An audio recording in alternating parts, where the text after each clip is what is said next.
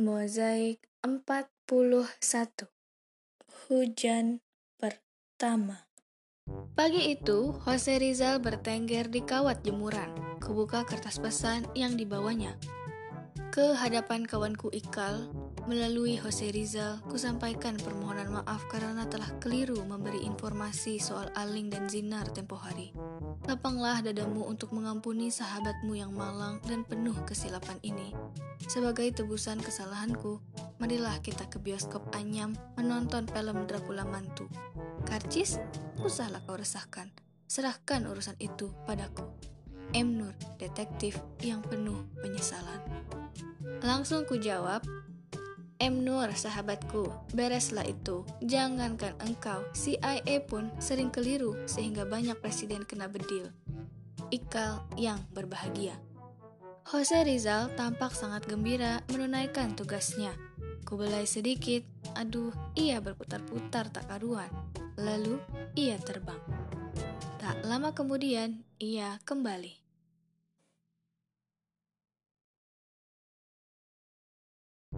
Jadi, apakah kau memaafkanku dan kita nonton film Dracula Mantu?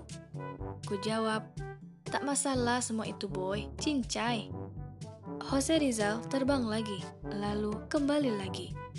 Maksudmu dengan tak masalah itu, yaitu kau memaafkanku dan kita nonton film Dracula Mantu?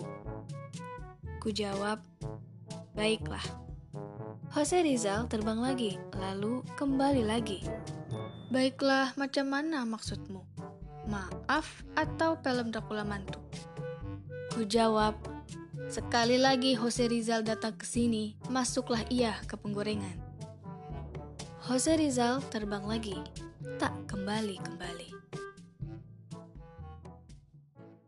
Sorenya, aku naik sepeda dengan perasaan senang ke rumah detektif M. Nur. Ia juga telah diundang ke acara perkawinan Zinar dan kami akan bersepeda bersama ke sana.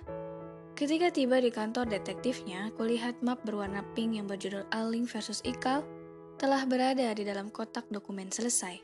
Sungguh mengesankan. Acara perkawinan Zinar sore itu berlangsung amat menarik karena bergaya tradisional Tionghoa. Zinar yang menyenangkan telah bersahabat dengan begitu banyak orang. Perkawinan itu seperti pertemuan beragam suku dalam masyarakat kami. Banyak sekali orang dari suku bersaru, orang Melayu, orang Tionghoa sendiri, dan orang Sawang hadir di sana. Ayahku pun datang dengan baju terbaiknya sepanjang masa, safari empat saku. Keluarga mempelai lelaki hadir dari Tanjung Pinang. Di antara barisan lelaki dan perempuan Tionghoa itu, tampak beberapa orang tua berwajah Pakistan. Kutaksir dari sanalah sang mempelai pria itu mendapat nama Zinar. Sepasang bahu yang teguh dan sepasang mata yang teduh.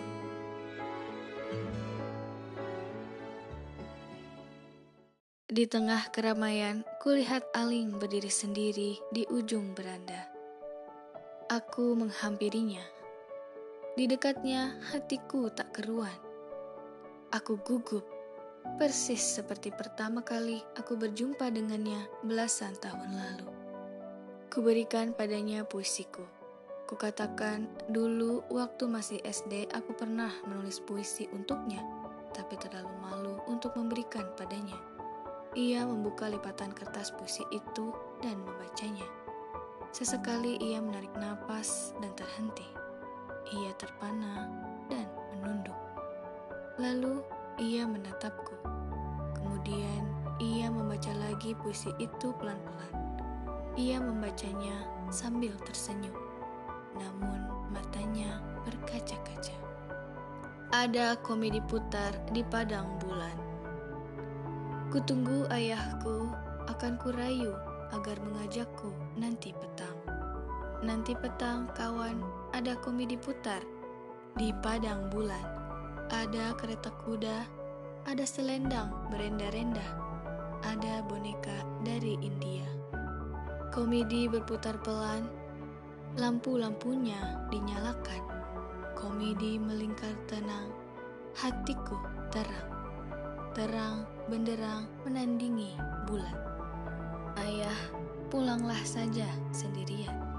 Tinggalkan aku, tinggalkan aku di padang bulan. Biarkan aku kasmaran. Perkawinan Zinar bak ritual yang penuh perlambang itu usai. Pembawa acara mempersilahkan Bang Zaitun naik ke atas pentas yang rendah.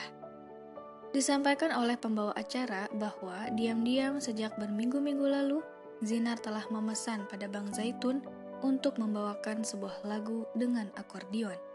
Lagu itu adalah lagu kesayangan Zinar sejak ia remaja di Tanjung Pinang dulu.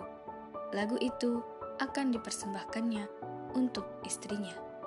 Bang Zaitun naik ke atas pentas. Seluruh hadirin berdiri rapat mengelilingi pentas kecil itu.